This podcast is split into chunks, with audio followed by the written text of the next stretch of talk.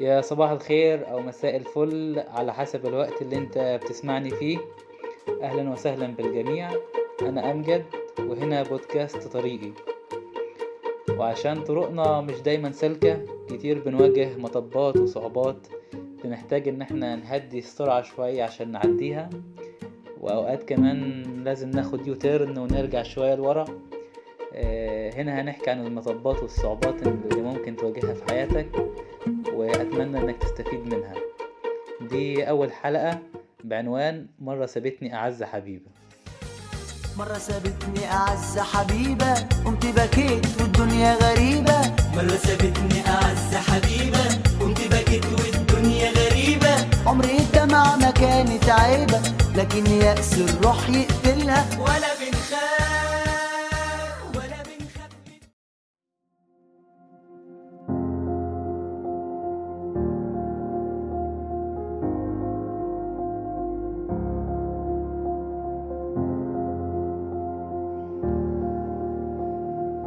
دي من أكتر الأغاني اللي كنت بحب أسمعها وأدندنها وأنا صغير.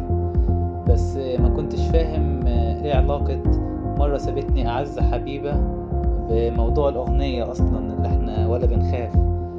بس أدركت مؤخرا إن إحنا لو حبينا بطريقة غلط إحنا بنخاف. بس يا ترى ليه بنخاف؟ ده اللي هنحاول نعرفه مع بعض في البودكاست ده.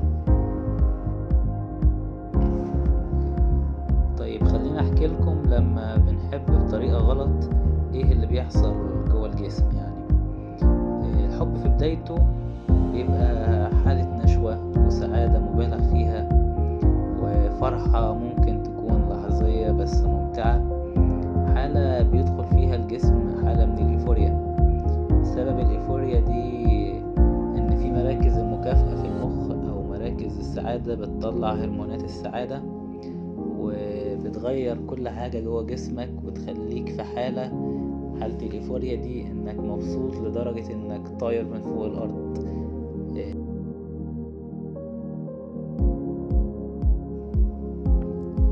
وتأثير المواقف دي هو هو تأثير المخدرات على نفس المراكز لأن المخدرات بتأثر على نفس المراكز وتخليك في نفس الحالة فهل تأثير الأشخاص عليك زي تأثير المخدرات؟ في ناس بتشكك وتقول لأ آه، إنك تدمن آه، مادة زي الكوكايين أو أي مخدر غير إنك تدمن شخص بتحبه أو موجود متعود عليه. فخلينا نسأل طيب لو الشخص ده مش موجود في حياتك أنت هتعمل إيه؟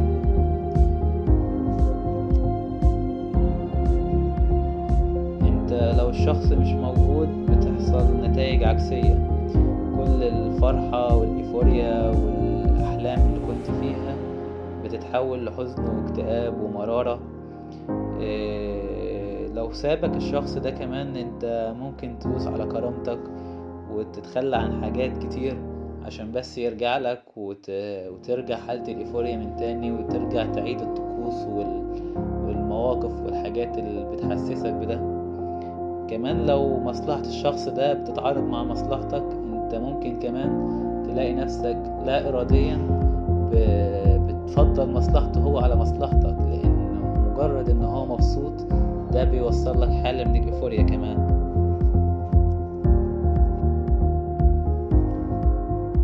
طيب دلوقتي بقينا متفقين إن التعلق بالأشخاص أو إدمانهم مشكلة زي مشكلة إدمان المخدرات بالظبط.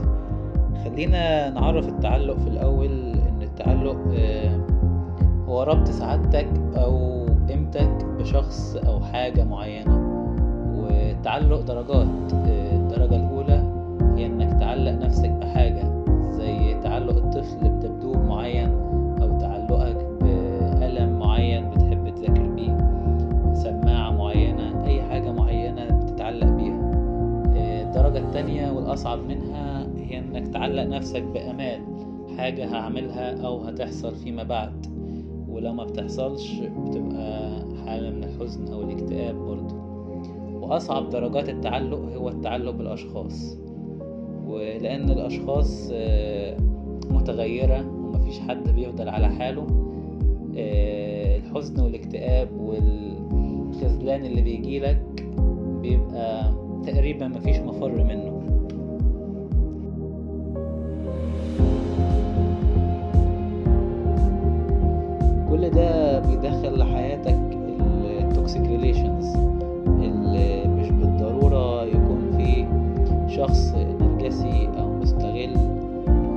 السبب في اللي انت فيه؟ انت اللي بنيت سعادتك وحياتك كلها على شخص واحد فلما ما بقاش موجود بالتالي حياتك وسعادتك ما بقتش موجودة.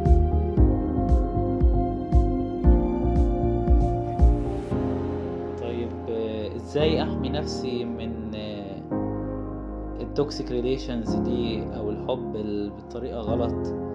هو إنك تحب بعقلك. آه، مش تشوف ال red flags ستاير قدامك وتجري جري. يعني كل حاجة بتبقى باينة من البداية بس آه، للأسف إحنا اللي بنبقى واخدين فكرة أو حاطين في دماغنا إن الشخص اللي قدامنا هيتغير.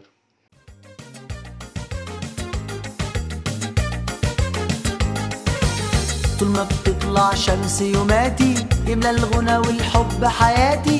طول ما بتطلع شمس يوماتي يملى الغنى والحب حياتي. حلمنا علم وفرحنا آتي قلبي الحر اهو غنى وقالها. ولا بنخاف. وخليك دايما عارف إن دوام الحب مش بيعتمد على الحب بس لأن الحب بيشتعل ويفطر وينطفي كمان. ممكن يتقلب لعداوة وكراهية وجريمة. كل ده بسبب اشتعال الحب. لكن دوام الحب بيعتمد على الإنسانيات. حاجة بسميها أنت فيك الخير ولا لأ؟ لو فيك الخير هيفضل اللي ما بيننا كبير وهيفضل الحب والمودة والرحمة اللي ما بيننا موجودة. فلما تيجي تدور على الناس اللي هتدخل اللي هتدخلهم لحياتك دور على الناس اللي فيها خير واللي فيها مودة وفيها رحمة لأن دول هم اللي يستاهلوا. وفي الآخر كل كلامنا ليه تكملة بس مفهوش آخر. ممتن لكل شخص سمعني النهاردة وما تنساش إن أجمل هدية هتقدمها لنفسك هي إنك تعرف نفسك. دمتم على خير وأمن